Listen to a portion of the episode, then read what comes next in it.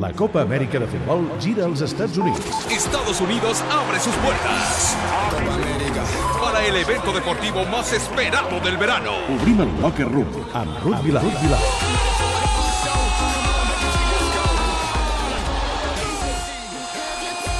Coincideixen ja en el temps, eh? L'Eurocopa i la Copa Amèrica de futbol. Eh, La Copa Amèrica ja fa dies que va començar i l'està seguint la Ruth Vilar des dels Estats Units.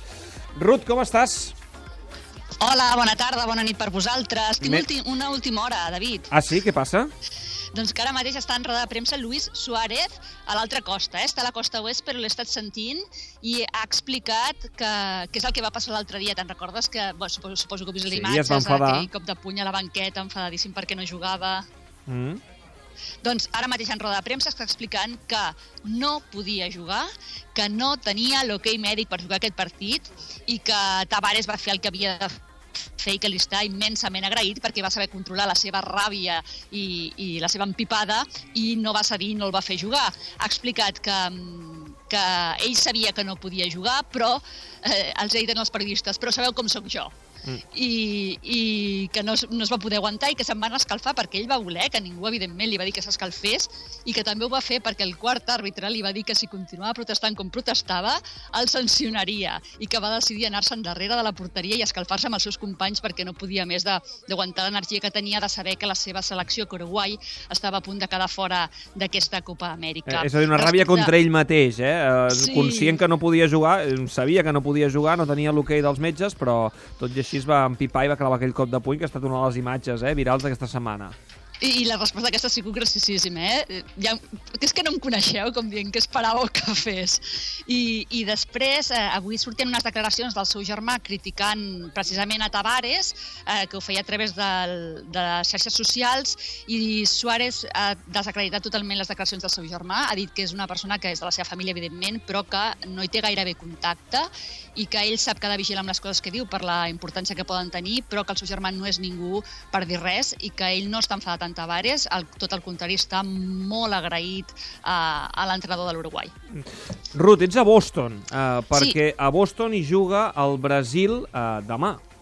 Ah, exacte, hi ha un partit de Brasil-Perú, sóc al Gillette Stadium, que és on habitualment juguen els Patriots de futbol americà, i espero aquí l'arribada de la selecció canarinya, eh, ha de parlar Dunga, després ho farà Ricardo Gareca, l'entrenador de, del Perú, i també podrem veure l'entrenament i veurem aviam si, si puc parlar amb Dani Alves i confirma finalment eh, el seu fitxatge per la Juventus. Ell va confirmar que marxa del Barça, que gairebé ho té tot fet, però encara no ha arribat aquesta confirmació definitiva.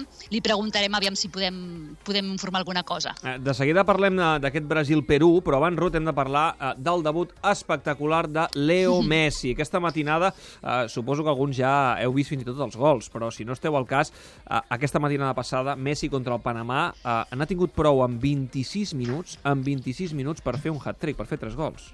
Sí, i aquí esperàvem Messi en candeletes. Eh? L'altre dia el New York Times començava la crònica de l'Argentina en el seu debut a la Copa Amèrica dient que veure aquell partit va ser com anar a veure un concert de Beyoncé i que la cantant tingués faringitis perquè no jugava, perquè no jugava Messi. Fins i tot a Chicago li dedicaven portades comparant-lo amb Michael Jordan.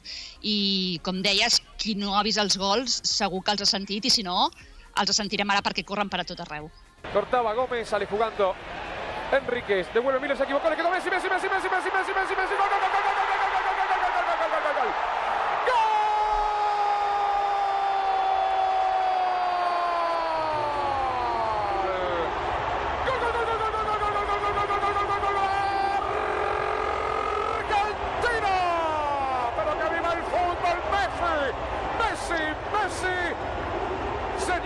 A més a més, els tres gols són espectaculars. Un de falta, amb segell Sí. Messi amb l'esquerra, colant-la pràcticament a l'escaire. Els altres dos fent aquella jugada que tant li agrada, ajustant la pilota al pal. Tres golassos.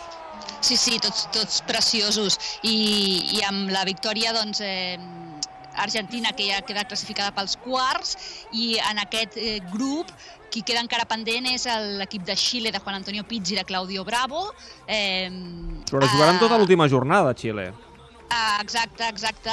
Han guanyat aquesta matinada a Bolívia amb un gol eh, al temps afegit de penal dubtós d'Arturo Vidal i encara els dona opcions de passar a quarts, però s'ho jugaran tot en aquesta, en aquesta última jornada del seu grup.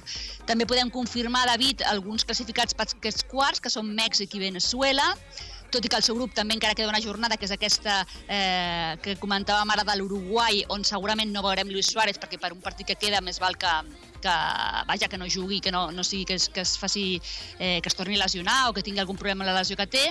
També està classificada Colòmbia, del grup A, que juga avui l'última ronda del grup, on hi ha un Estats Units-Paraguai i un Colòmbia-Costa Rica. Paraguai, Costa Rica i els Estats Units tenen un punt i, per tant, opcions tots de classificació i, i, i aquests classificats els sabrem avui mateix.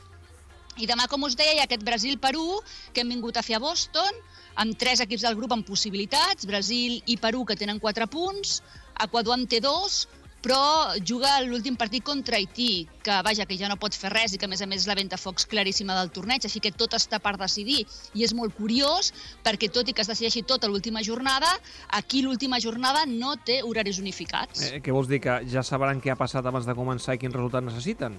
Sí, sí, en el cas, per exemple, del Brasil-Perú, abans juga l'Equador i, per tant, ja sabran aquest resultat i sabran si han de guanyar per classificar-se pels quarts o potser els val amb un empat i, i aleshores cap dels dos força. És, és ben curiós. Mm, doncs uh, aquesta és la situació. Uh, per cert, horaris, aquí a Catalunya, si voleu allò anar a dormir tard eh, i veure els partits de la Copa Amèrica, a la una de la nit, Estats Units-Paraguai, en aquest grup A, i a les 3 de la matinada, uh, horari uh, típicament d'NBA, Colòmbia-Costa Rica, els dos partits del grup A uh, que juguen avui a, a la Copa Amèrica. Ruth, a quina hora surt uh, el Dunga, Dunga. el seleccionador brasiler, en aquesta roda de premsa?